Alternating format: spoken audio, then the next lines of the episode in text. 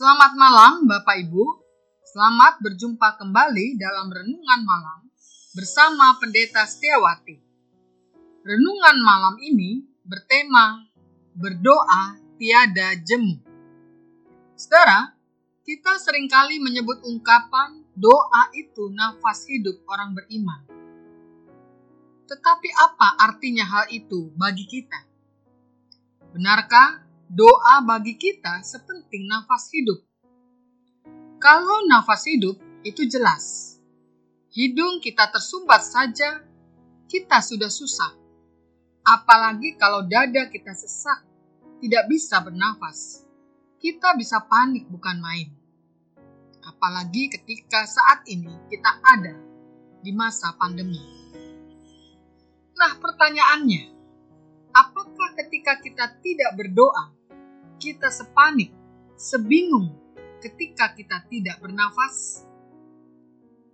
Yang pasti pada kenyataan praktek doa kita sering kali tidak seindah ungkapan doa itu nafas hidup orang beriman. Banyak kali kita lupa, malas, bahkan mati rohani, tidak lagi kita mau berdoa. Dan kalau ditanya, mengapa tidak mau lagi berdoa? Ada alasan kita. Hah, saya sudah lelah, capek, bosan, jemu berdoa. Kita berseru kepada Tuhan, kita berteriak, kita bertanya, kita memerlukan penjelasan, kita memerlukan jawaban. Mengapa Tuhan? Mengapa saya? Apa yang harus saya lakukan? Tetapi kita tidak bisa tembus. Tidak ada lain. Yang terdengar adalah bunyi tut tut tut nada sibuk. Tuhan diam. Doa kita tidak terjawab. Saudara, seorang penulis Kristen bernama Philip Yancey pernah menulis sebuah buku yang diberi judul Disappointed with God. Kekecewaan terhadap Allah. Dalam buku tersebut, salah satu babnya ia beri judul Is God Silent? Apakah Allah diam? Sedangkan di bab yang lain ia beri judul Is God Hidden? Apakah Allah tersembunyi? ketika kita berdoa, kita membutuhkan jawaban. Jawaban yang jelas dan segera. Tapi tidak ada respon. Tidak ada jawaban Allah. Allah diam. Di mana engkau Tuhan? Ia bersembunyi. Tetapi benarkah begitu? Sebenarnya tidak. Di dalam Alkitab dipaparkan bahwa ia menjawab jeritan hamba-hambanya dengan bermacam-macam cara. Seolah-olah jauh dan tersembunyi tetapi sebenarnya dekat. Seolah-olah diam, tak menjawab, tetapi sebenarnya telinga kita lah yang tidak mampu mendengar, yang merintangi mata kita dari melihat, dan merintangi telinga kita dari mendengar adalah segala dosa-dosa kita sendiri. Yesaya 59 ayat 1 dan 2. Saudara, ini penting sekali kita ingat supaya jangan kita membayangkan berdoa itu seperti menekan tombol listrik. Begitu tekan listrik, maka listrik pun menyala. Tidak, saudara. Ada kalanya kita harus berjuang keras dan menunggu lama untuk mendengar dan memahami jawabannya. Jangan pula kita menyangka bahwa asal saja si A atau si B yang berdoa, maka Allah pasti mendengar doanya. Saudara, padahal kita mengaminkan bahwa Tuhan selalu mau mendengar doa-doa siapa pun tanpa terkecuali. Hanya saja, jawaban Tuhan dapat berbeda-beda dari waktu ke waktu, dari orang ke orang, tergantung kebijakannya. Berbeda-beda, tidak pernah seragam. Kadang-kadang begini, kadang-kadang begitu. Apakah artinya ini berarti Allah pelin-pelan? Jelas tidak, saudara. Jawaban Tuhan tidak pernah bisa kita tentukan atau kita duga terlebih dahulu, karena Allah kita adalah Allah yang bebas dan berdaulat. Ia tahu jawaban apa yang paling benar dan paling tepat, melampaui keterbatasan pengetahuan kita. Ia tahu jawaban yang lebih baik daripada jawaban kita yang terbaik. Namun demikian, betapapun juga tidak pernah ia tidak menjawab. Ada kalanya Allah itu seperti membisu, tidak peduli, dan bersedia mendengar, membiarkan yang buruk menimpa orang baik. Ya, tetapi kebisuan itu boleh jadi justru salah satu jawabannya. Ketika doa kita tidak segera terjawab, ini menguji kehidupan iman kita. Kita pikir kita sudah mempunyai iman setebal, sekuat batu karang. Tetapi mungkin yang kita sangka, iman kita ternyata bukan iman.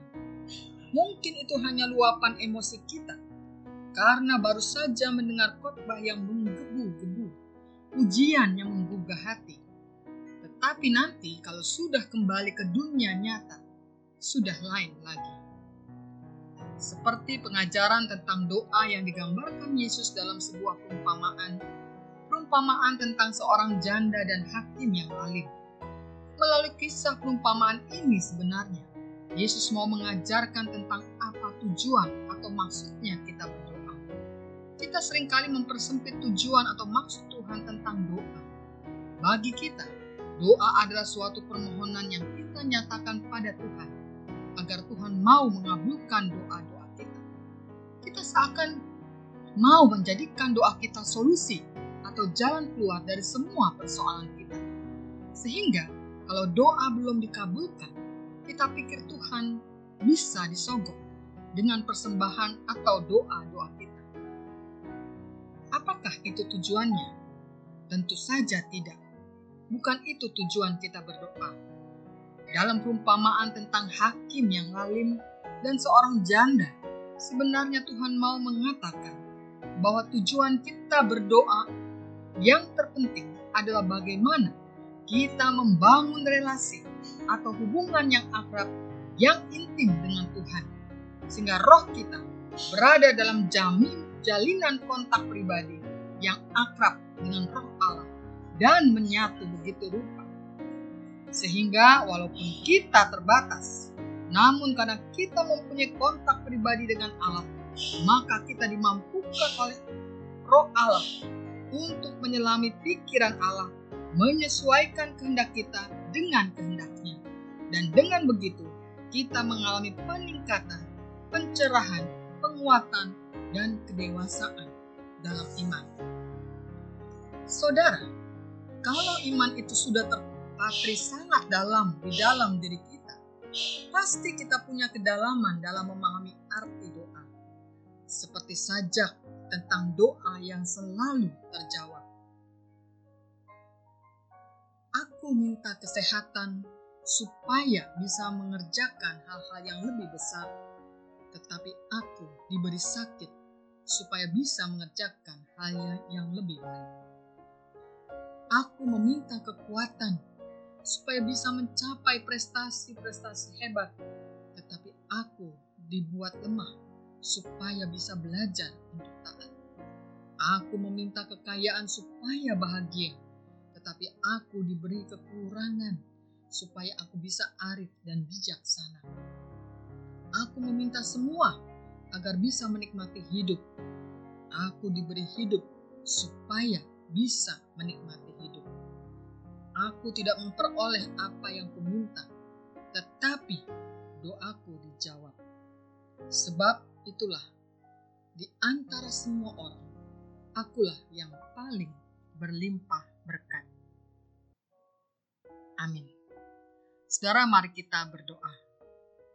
Bapa di dalam Tuhan Yesus Kristus, Allah yang senantiasa mengajarkan kami bagaimana kami harus berdoa yang benar. Mampukan setiap kami Tuhan untuk memahami setiap doa-doa yang kami naikkan setiap hari menjadi sebuah ungkapan hubungan yang erat, yang akrab, yang intim dengan Engkau. Karuniakanlah kami senantiasa kerinduan untuk mau berjumpa dengan Engkau di dalam doa-doa kami. Karuniakanlah kami ya Tuhan, bahwa setiap doa yang kami naikkan adalah doa yang pasti dijawab Tuhan. Bukan seturut dengan kehendak kami, tetapi kehendak Tuhan yang terbaik bagi kehidupan kami. Ya Tuhan, malam hari ini, sesaat lagi kami akan membaringkan diri kami dari keadaan tubuh kami yang lelah. Tetapi kami percaya Tuhan, Engkau senantiasa menjaga kami malam hari ini supaya kami benar-benar dapat merasakan istirahat yang cukup, sesuatu kekuatan yang baru yang membuat kami bersemangat kembali ketika di esok hari Tuhan memberikan kami kembali nafas hidup untuk kami menjalaninya bersama dengan orang-orang yang kami cintai, bersama dengan orang-orang yang kami kenal atau tidak kami kenal, tetapi di dalamnya kami mengalami berbagai macam pengalaman hidup yang bermakna dan mendewasakan kami untuk semakin bersikap seturut dengan kehendak Tuhan. Jadikanlah kami anak-anak Tuhan yang hidup serupa dengan Tuhan. Ampunilah segala dosa dan kesalahan kami, segala pikiran-pikiran kami yang jahat tentang Tuhan atau tentang sesama kami. Tapi bersihkan kami ya Tuhan, supaya kami senantiasa menunjukkan kehidupan yang benar dan murni di hadapan Tuhan dan sesama kami. Dalam nama Tuhan Yesus Kristus kami berdoa. Amin.